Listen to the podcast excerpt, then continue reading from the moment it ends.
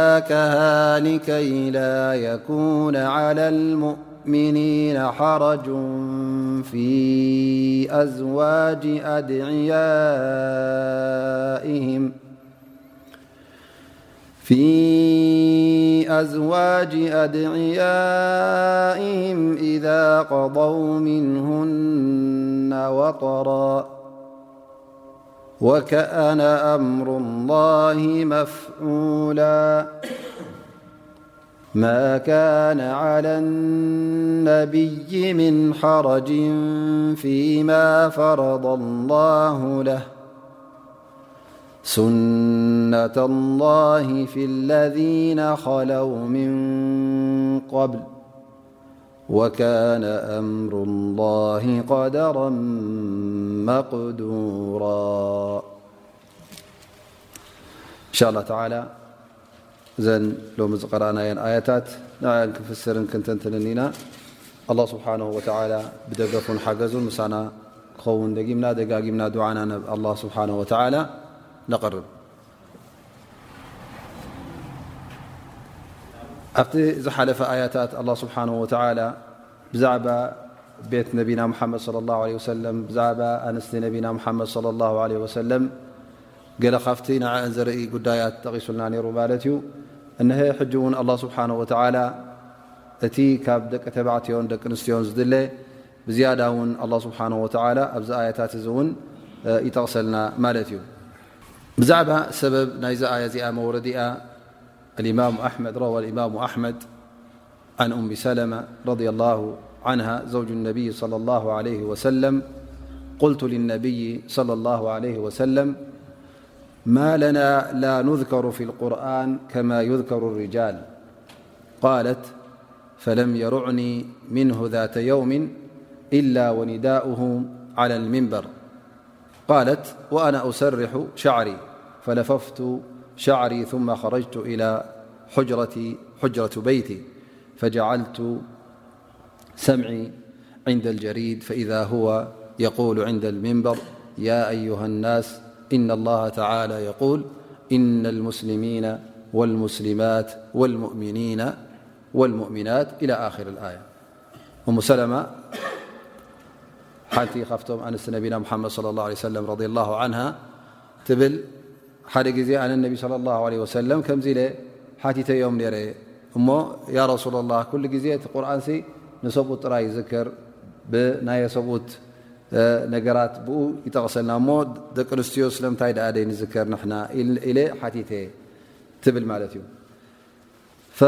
ድሕሪ ክንደይ እንታይ ይሰምዕ ኣለኹ ነቢ صለ ላ ለ ወሰለም ኣብ ምንበር ደይቦም ክዛረቡ ሰሚዐ ዮም እሞኒ ዓው ኢሎም ዛረቡ እቲ ድምፆም ምስ ሰማዕኩ ትብል ኣነ እውን ሽዑ ፀጉረይ የተዓራሪ የመዓራሪ ምሸጥ ነይረ ሽዑ ነዚ ፀጉሪ ኣብኡ ከለኹ ጥቕሊ ጥቕልል ኣቢለዮ ናብቲ ሕጀሩ ነቢ ስ ሰለ እቲ ገዛውቲ ናይ ነቢና ሓመድ ሰለም ኩሉ ኣብ ምንታይ እዩ ነይሩ ኣብቲ ከባቢ ናይ መስጊድ እዩ ነይሩ ማለት እዩ መፅየ ኣብታ ክፍሊ ናተይ ኣብኣ ውሽጢ ኣትየ በቲ ወገን ናይ ጀሪድ ማለት ጀሪድ ኣለክ ናፍቲ መስጊድ ዘብል ማለት እዩ መከላኸሊ ነቲ መስጊድ ዘለዎ ኣብኡ ኣቕሪበ ክሰምዕ ጀሚረ ነቢይ صለ ላه ለ ወሰለም የኣዩሃ ናስ ኣንቱም ሰባት ኣላ ስብሓን ወተላ ከምዚ ትብል ኣያ እዚኣ ኣውሪዱ እዛ ኣያ እዚኣ ክቐርእ ሰሚዐ ትብል ማለት እዩ ፈከኣኑ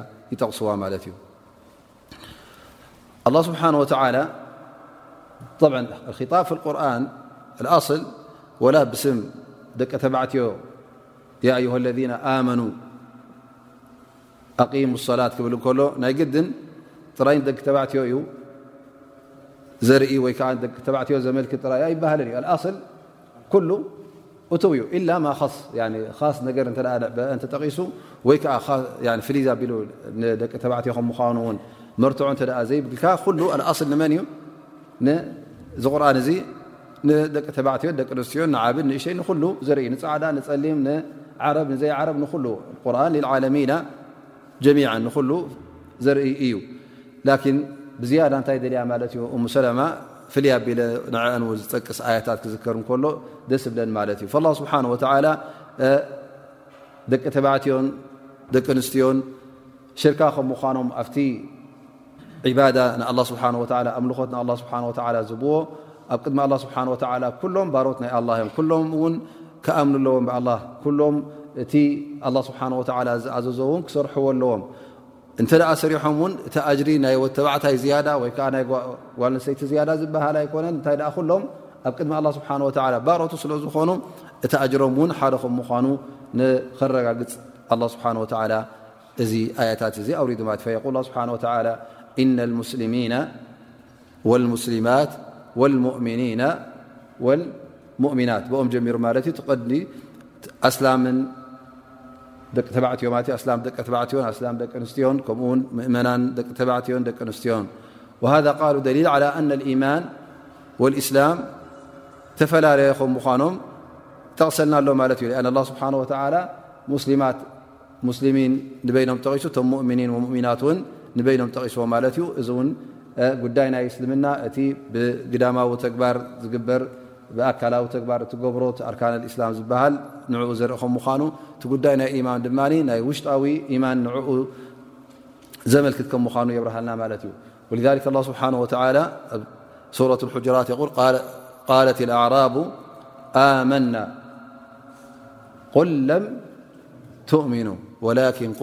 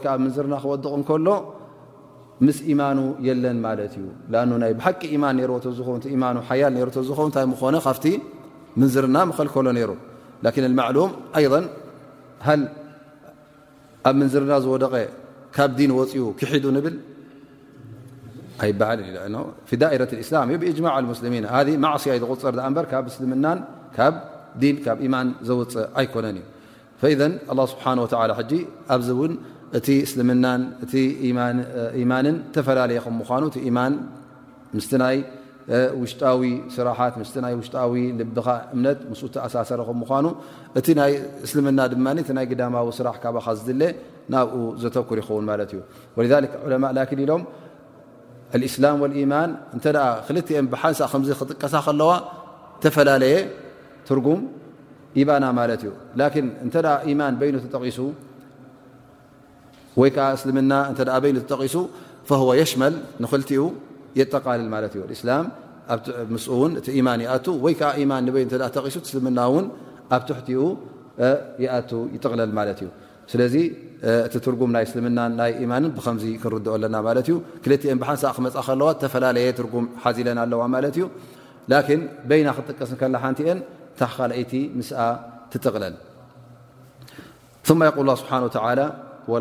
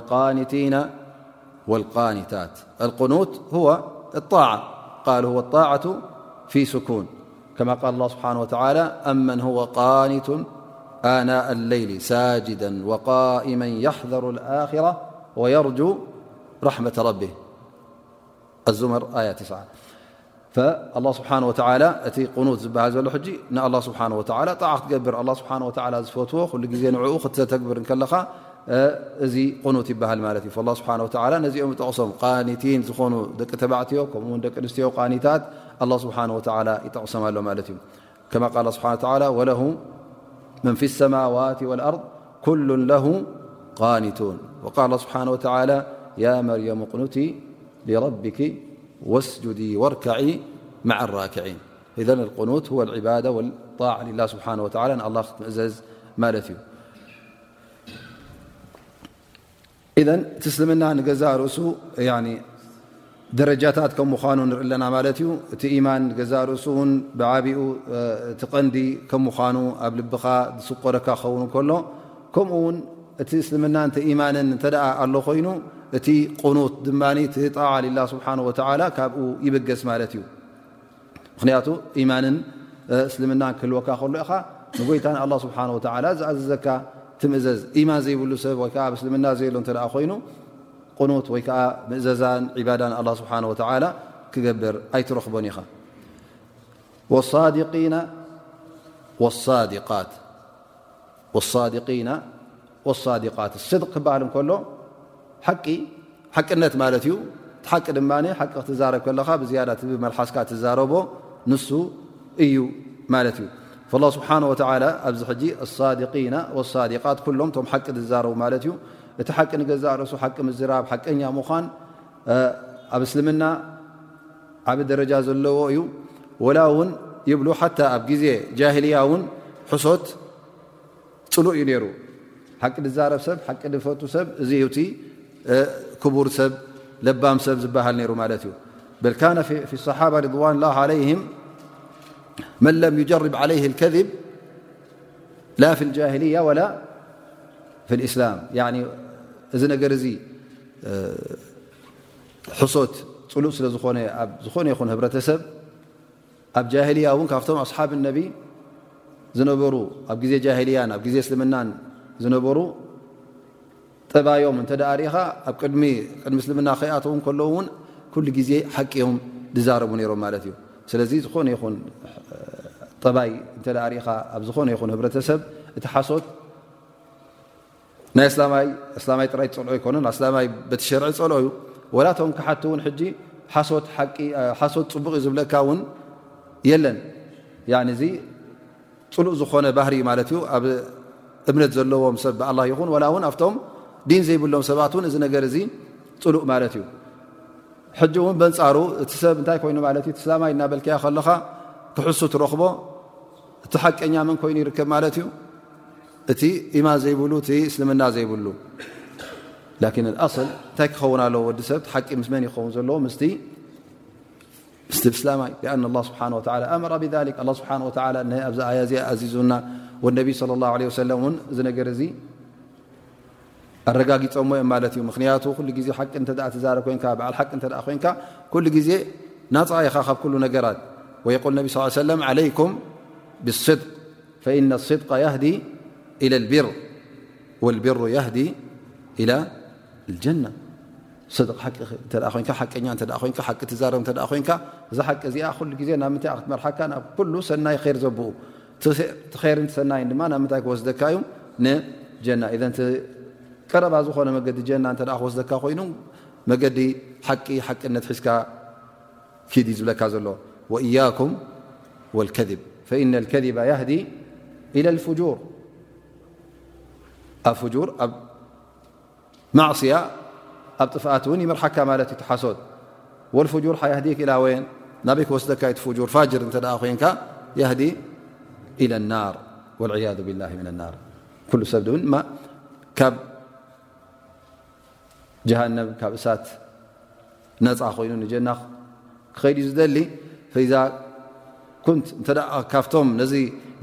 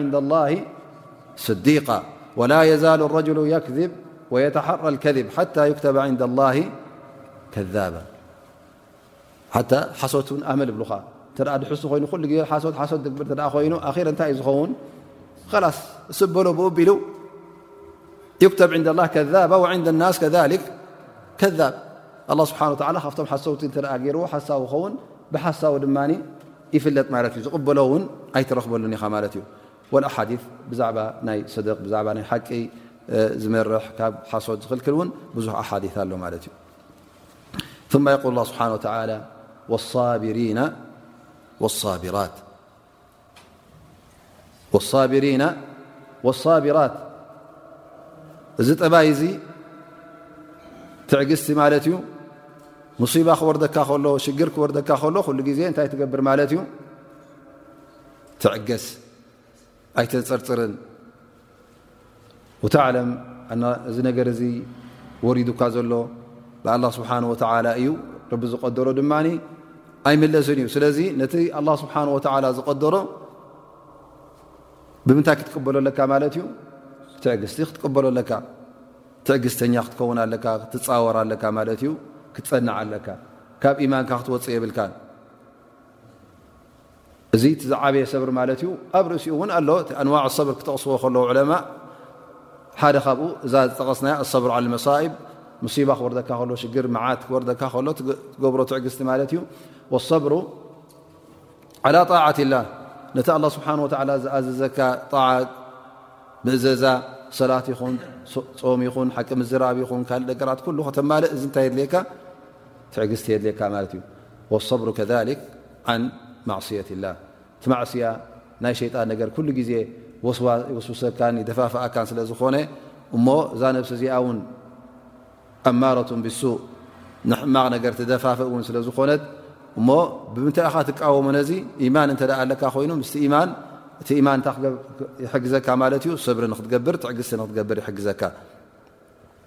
እዘን እዚ እቲ ኣላ ስብሓን ወተላ ኣብዚ ኣያታት እዚኣ ከረጋግፀ ዶ ወሳብሪና ወሳብራት እቶም ትዕግስተኛታት እተን ትዕግስተኛታት ኢሉ ኣላ ስብሓን ወተላ እውን ንትዕግስቲ ፍልይ ኣቢሉ እውን ጠቂስዋ ማለት እዩ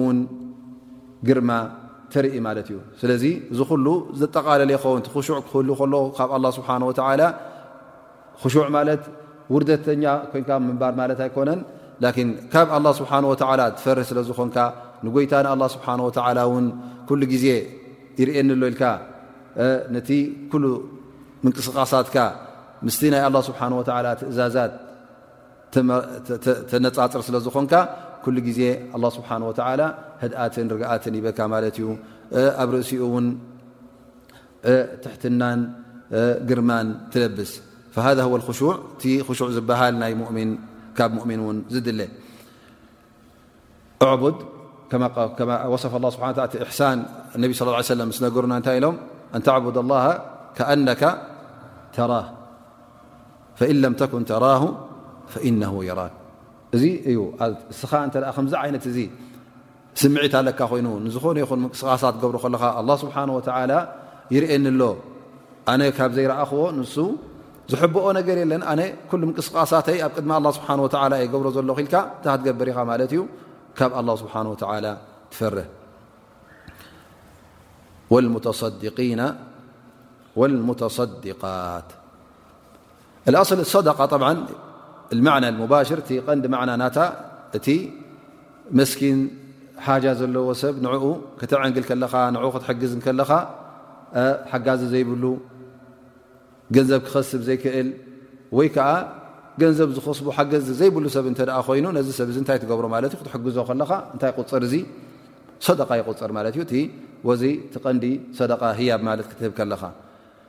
ላኪን ሰደቃ ሙምክን ተኩን ኣሽመል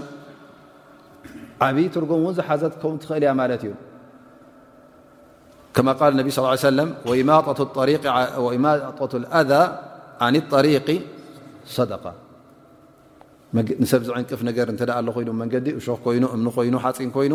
እንተ ንኡ ኣርሕቕካዮ ሰብ ንኸይጉዳእ ኢልካ እዚ እንታይ ካ ትገብር ዘለኻ ማለት እዩ ሰደቃ ኢካ ተውፅእ ዘለኻ ማለት እዩ ፈዘን ሰደቃ ማዕና ዋሳዕ ኣለዎ ንኩሉ ዘማልእ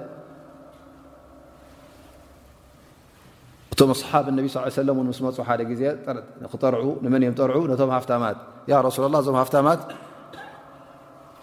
ስዒሮምና ወዲኦምልና ንሕና ንከማና ሰጉዱ ከማና ይፀሙ ከማና ኣብ መጨረሻ እሶም ገንዘብ ስለ ዘለዎም ሰደቃ ይህቡ ንሕና ግን ገንዘብ ስለዘይብልና ደኸታ ስለዝኮናስ በዚ ሓሊፎምና ኢሎም ክጠርዑ መፅኦም ማለት እዩ ፈነቢ ስ ሰለም ኣላ ስብሓን ወተላ ካእ ትስድቆ ገይሩልኩም እንዲ ተስቢሕ ታህሊል ከምኡታት ጠቂሱሎም ነቢ ስ ሰለም እዘን መዕና ዋስዕ ትርጉም ሰፊሕ መዕና ከም ዘለዎ ክንፍልጥ ኣለና ማለት እዩ ላኪን እዛ ኣያ እዚኣ ንሙተሰድቂና ሙተሰዲቃት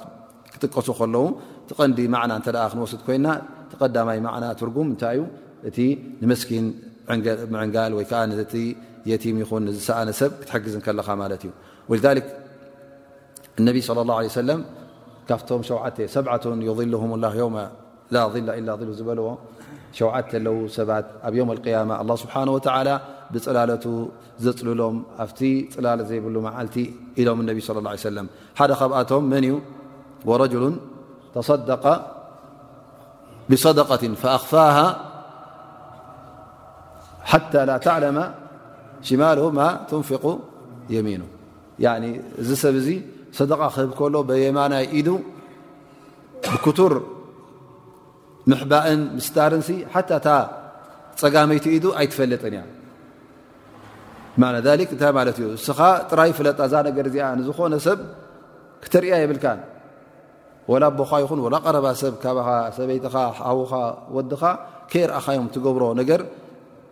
እዚ ሊላህ ኢለ ዝገብሮ ኢልካ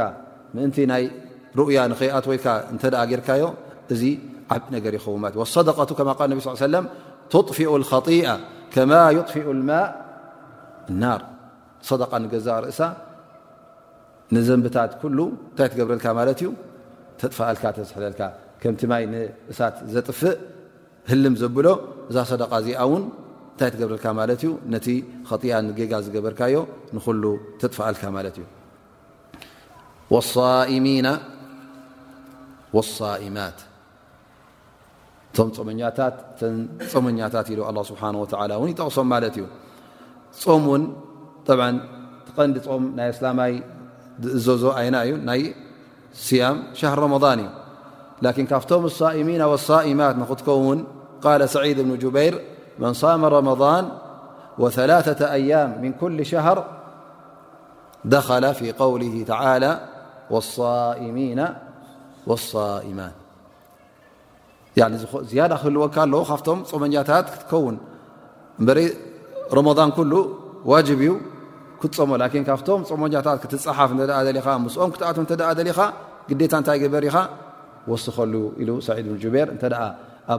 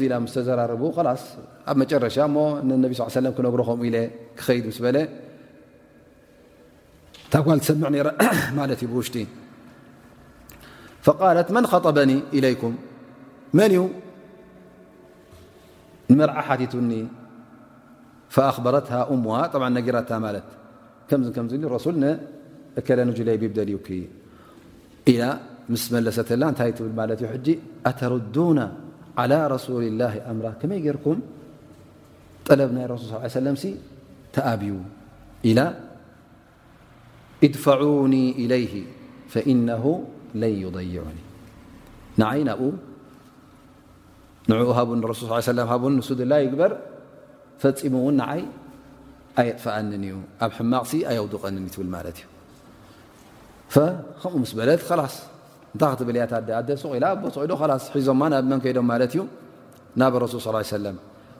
ል ሻእኑካ ብሃ እናትልካ እዚኣ ድላይካ ግበራ ረሱላ ላ ነቢ ስ ሰለ ዘወጀሃ መን ጁለይቢብ ፈዘወጀሃ ጁለይቢበ ል ፈረጀ ረሱ ሰለ ድሕሪ ክንደይ ነቢ صለ ላه ለ ሰለም ንኲናት ወፅኦም ማለት እዩ ኣብታ ኩናት እቲኣ ነቢ ስ ሰለ ተዓዊቶም ማለት እዩ ን ግዴታ ኩናት እንታይ ኣሎ ዝመውት ኣሎ ዝጠፍእ ኣሎ ማለት እዩ ብዙሕ ታሽሙ ውን ረኺቦም ማለት እዩ ሰልብታት ረኺቦም ቃለ ኣስሓብ መጨረሻ ነቶም ብፆቶም ነቢ ስ ሰለም እንታይ ለሞም ሃል ተፍቂዱና ኣሓድ መን ኣለና ዝጎደለና መን ኣሎ ዝጎደለ ሕጂ ዘይንሪኦ ዘለና ኢሉ ይሓቶም ማለት እዩ ቃሉ ነፍቅዱ ፍላነ ወፍላነ ይዘኪሮምሉ እከለ ጠፊኡና ሎም ሞይቱና እከለ ድማ ከምዝ ኮይኑና ኢሎም ክዝክሩ ጀሚሮም ማለት እዩ ፈነቢ ስ ሰለም ይሓትዎም ንጁሌቢብ ዝዘከረ ማፊ ላኑ ኣስለን እንታይ ነይሩ ማለት እዩ ወላ ሓንቲ ሰብ ዝግደሰሉ ሰብ ኣይነበረን ላኪን ነቢ ስ ሰለም እንታይ ኢሎም ማለት እዩ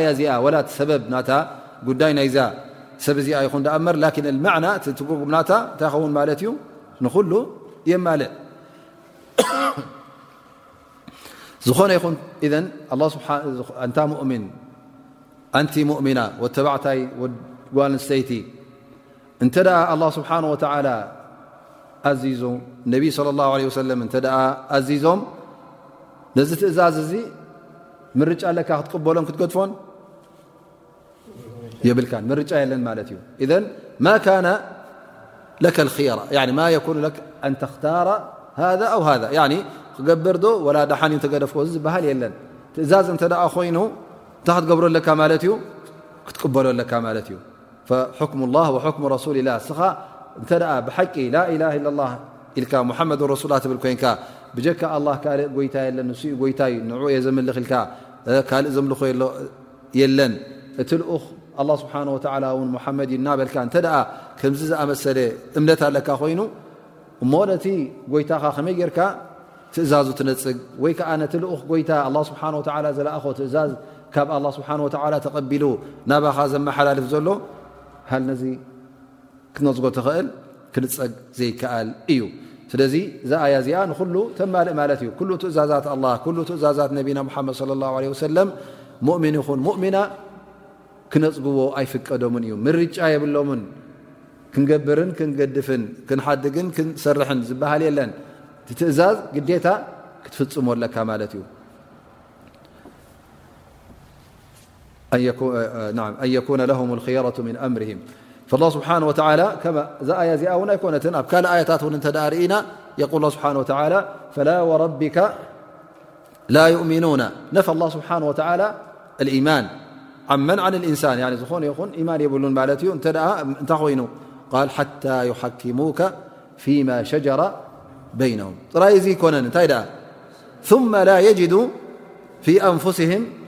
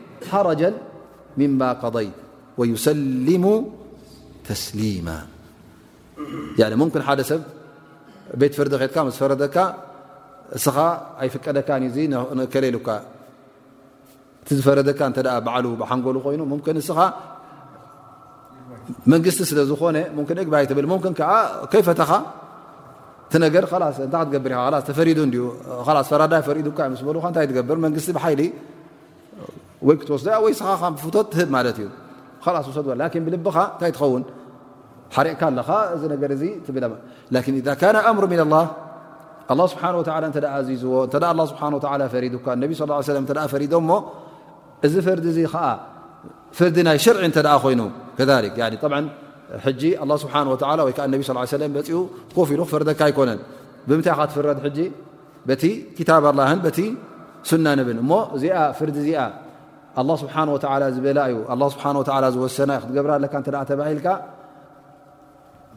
እንተ ላስ ገብራ እያ ላኪን እናበልካ ድ ትብርከካ እዚኣ ኣይገበርካያ ት ላኪን እታ ክትገብራ ኣለካ ትቅበላ ኣለካ ወተርዳ ክትፈትዋ ኣለካ እዚ ነገር እዚ ብሪዳ ክትገብሮ ኣለካ ወትሰሊም ኣምረክ እቲ ጉዳይካ ንመን ንኣላ ስብሓን ወተላ ኩሉ ተስተስልም ማለት እዩ ኢትካ ትህብ ማለት እዩ ላኪን እንተ ኣብ ልብኻ ቂምታ ወይ ከዓ ቂር ዝብለካ እተ ኮይኑ እቲ ነገር እተ ሕርክርክ ዝብለካ እተ ኮይኑ ገና እቲ ኢማን ኣይቀንዐን ኣሎ ማለት እዩ እንታይ ኮይኑ ማለት እዩ ወላ ፍርዲ ሕራ ኢልካ ከለኻ እተ ኣብ ልብኻ ቂር ኢሉካ ኣስለን ሰብ ገሊኡ ኣሎ ናብ ማሕከማ ናይ ሸርዒ እተ ኪድ ኢልካ ላላ ዚኣስ ኣይትናስበኒ ኣበይ ክኸይደ የብለካ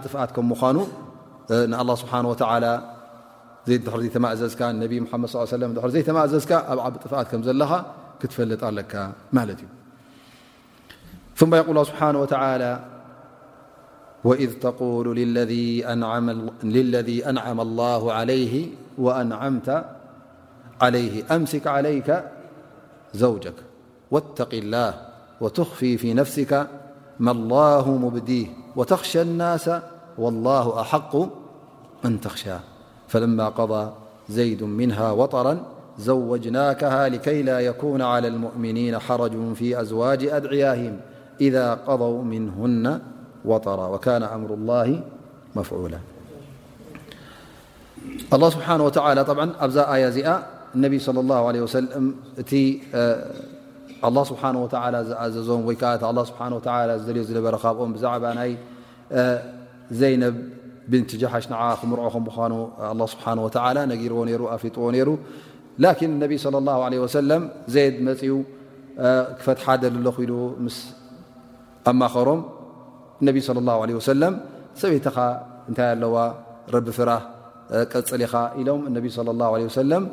ከም ዝጥልቓ ፈልጡ ነይሮም ላኪን እዚ ነገር እዚ ክገልፅሉ ኣይደለዩን ማለት እዩ እዛ ኣያ እዚኣ ብዛዕባ እቲ ኣብ መጀመርያ ኣላህ ስብሓነሁ ወተዓላ ዝጠቐሶ እሞ ብዘይ ውላድካ ውላደይ ኢልካ ከም ውላድካ ትቖፅሮ ዝነበርካ ውላድካ ከም ዘይኮነ ነዚ ነገር እዚ ንኸረጋግፅ ኢሉ ኣላህ ስብሓነሁ ወተዓላ ንነቢይ ሰለላሁ ዓለይሂ ወሰለም ሰይቲ ዘይድ እብኒ ሓሪታ ነቲ ወዶም ዝስመ ዝነበረ ንሰበይቱ ንኽምርዖ ኣላህ ስብሓነሁ ወተዓላ እዚ ነገር እዚ ኣብቲ ግዜ ጃሂልያ ዝነበረ ንዕኡ ንምብታን ዝተገበረ ጉዳይ ስለ ዝኾነ ኣላ ስብሓን ወተላ ብዛዕባኡ እውን ይጠቕሰልና ኣሎ ማለት እዩ ላ ስብሓን ወተላ የል ኢዝ ተቁሉ ያ ሙሓመድ ነቲ ዜድ ባርያኻ ዘይድ ቀደም እንታይ ል ነርና ባርያ ነቢና ሓመድ ስ ሰለም እ ን እንታይ ነቢ ስ ሰለም ናፃ ኢሎሞ ማለት እዩ ወዶም እውን ቆፂሮሞ ነይሮም ማለት እዩ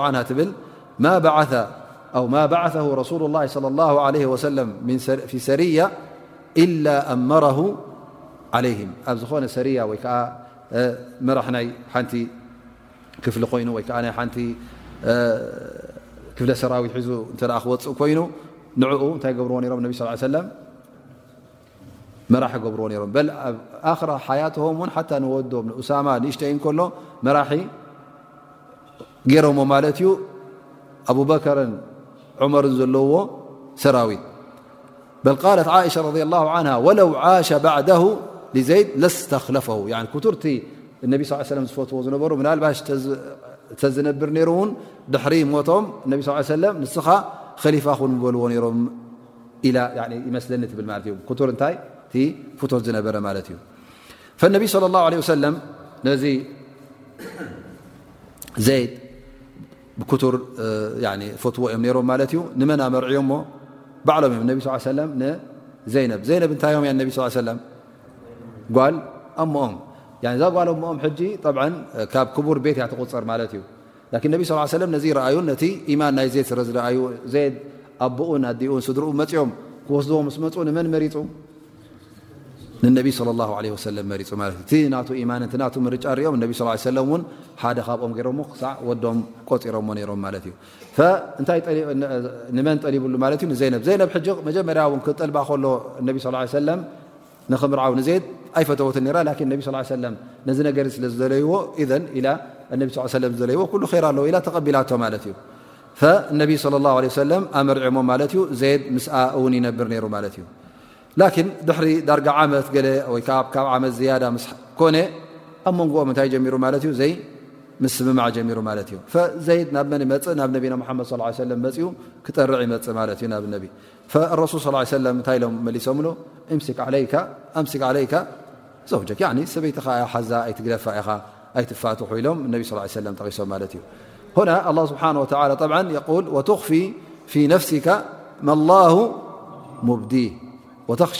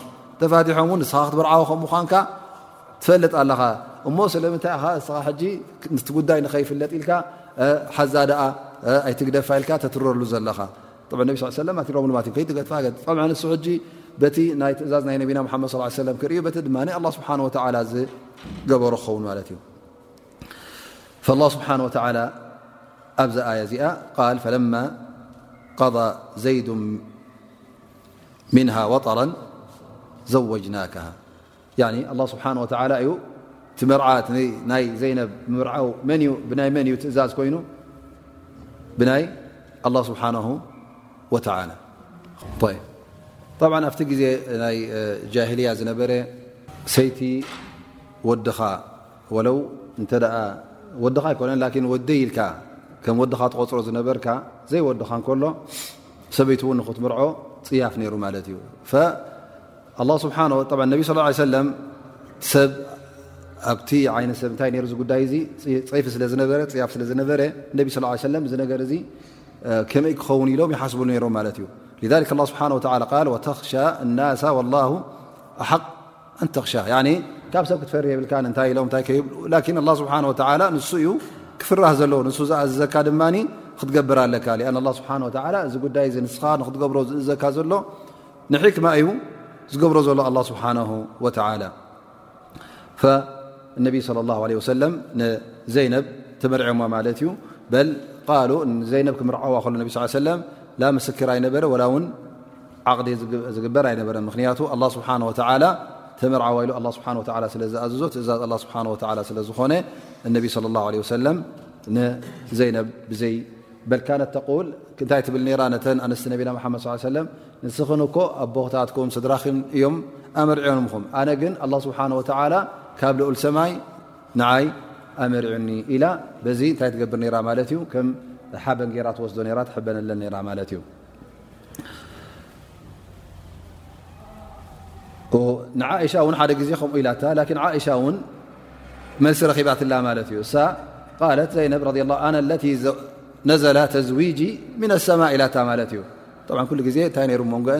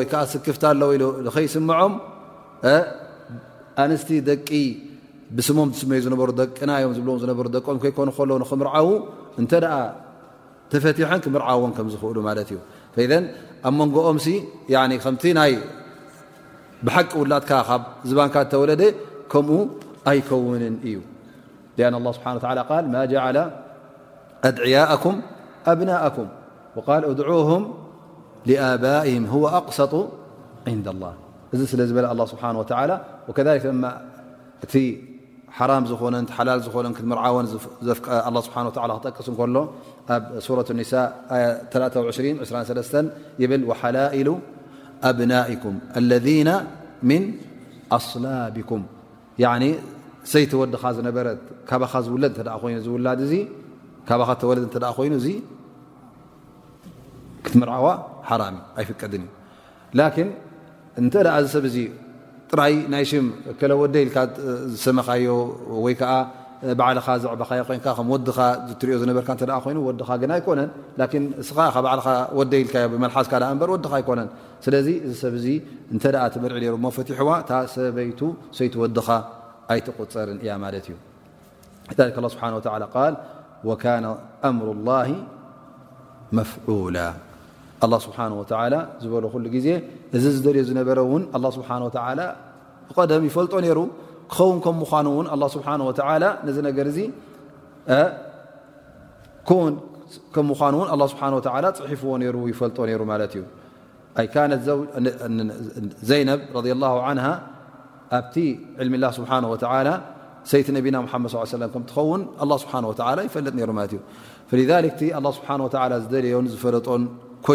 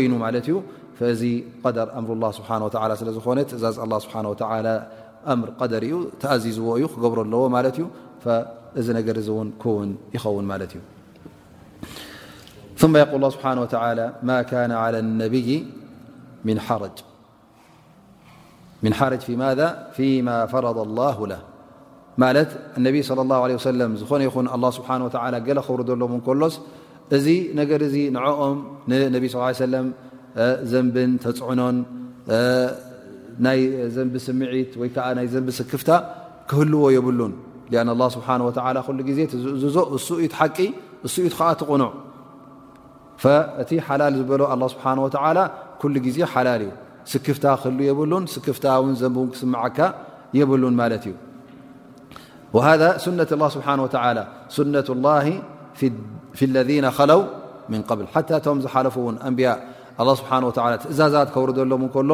እቲ ዝህቦም ዝነበረ ሓላልን ሓራምን ዝብሎም ዝነበረ እዚ ነገር እዚ ዘንቢ ኮይኑ ክስምዖም የብሉን ወላ እውን ኣብቲ ህብረተሰብ ምናልባሽ ቅቡል ኣይከውንን ላን እዛ ካን ኣላ ስብሓ ላ ሓላል ዝገበሮ ፈህዋ ሓላል እዩ ሓላል ኮይኑ ክስምዓካ ኣለዎ ማለት እዩ ወላ እውን ከምቲ ዝበልናዮ ዘይቅቡል ነገር ወይ ከዓ ከም ፀይፊ ገይሮም ዝወስድዎ ፅያፍ ነገር ገይሮም ዝወስድዎ ሮም እተ ኮይኖም ንስኻ እዚ ነገር እዚ ወላ ሓንቲ ግልፅ ክትብሎ የብልካን ማለት እዩ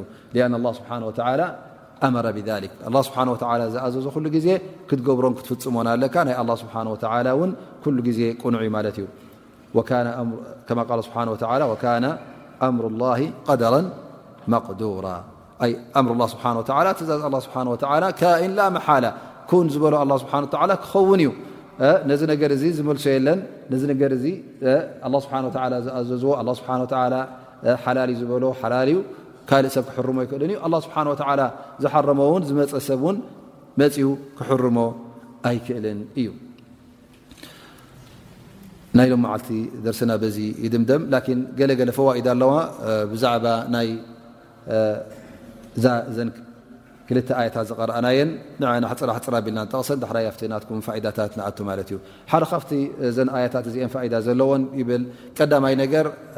ኣብዘን ኣያታት እዚኤን ንዘይድ ረዲየላሁ ዓንሁ ዝምጉስ ኣያ ወይ ከኣ ዓቢ ክብረት ከም ዘለዎ ግልጸት ናይ መን ናይ ዘይድ ንርኢ ማለት እዩ። ሊኣኑ ኣላህ ስብሓነሁ ወተዓላ ብስሙ ኣብዚ ቁርኣን እዚ እተጠቐሰ ሰሓቢ ብጀክኡ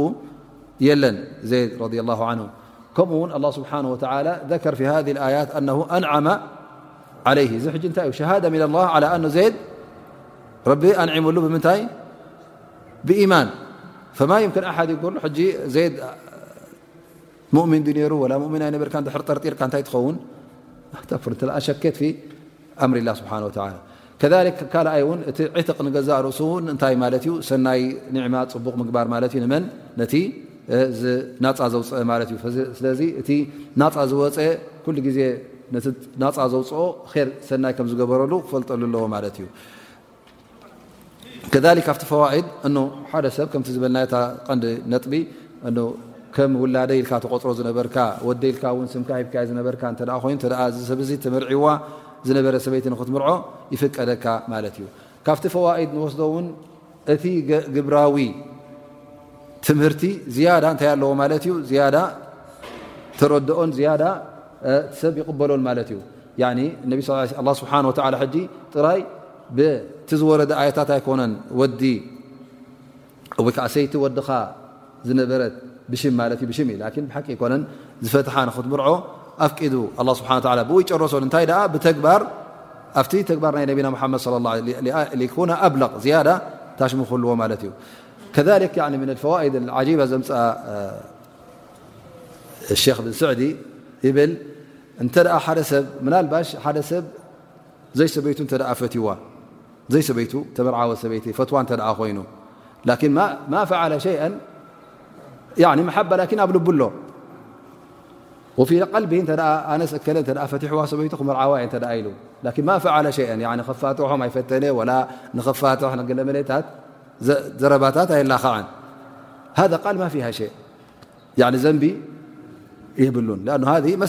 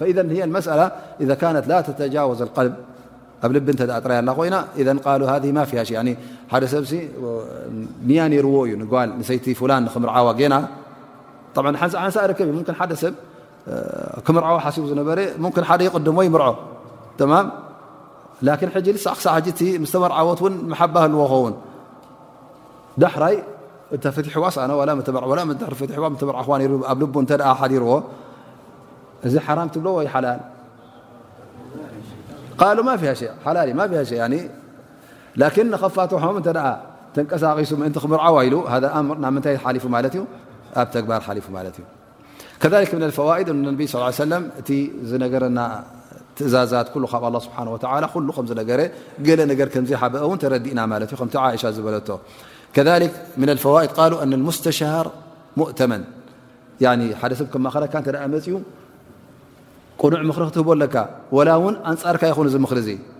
ያኒ ፈረደን ሕጂ ስኻ እዚ ሰብ እዚ ዝበልናያ ሕጂ እዛ ሰብ እዚኣ እዚ ዘሕደገካ ሕጂ ክትመርዓዋ ሓሲብካ ነርካ እሱ ተመርዕዋ ቀዲሙካ ዳሕራይ መጽኡ ያኸ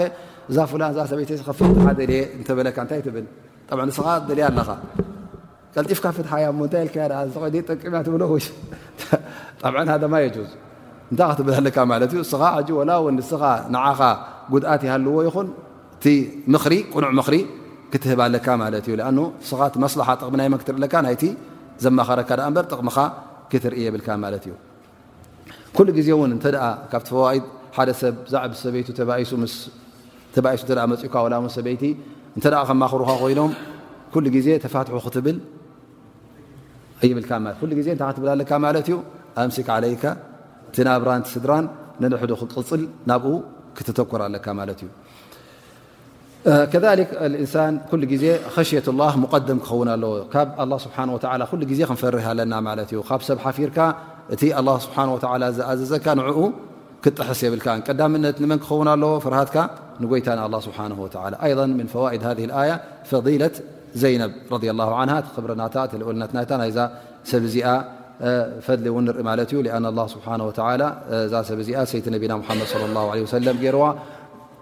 ፈልዩ ውን ኣላ ስብሓን ወተላ ባዕሉ ኣመርዒዋ ማለት እዩ ብዘይ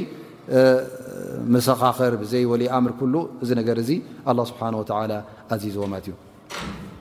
እዘን ኣላ ስብሓን ወተላ ውን ኣብዛ ኣያ እዚኣ እንታይ ኢሉ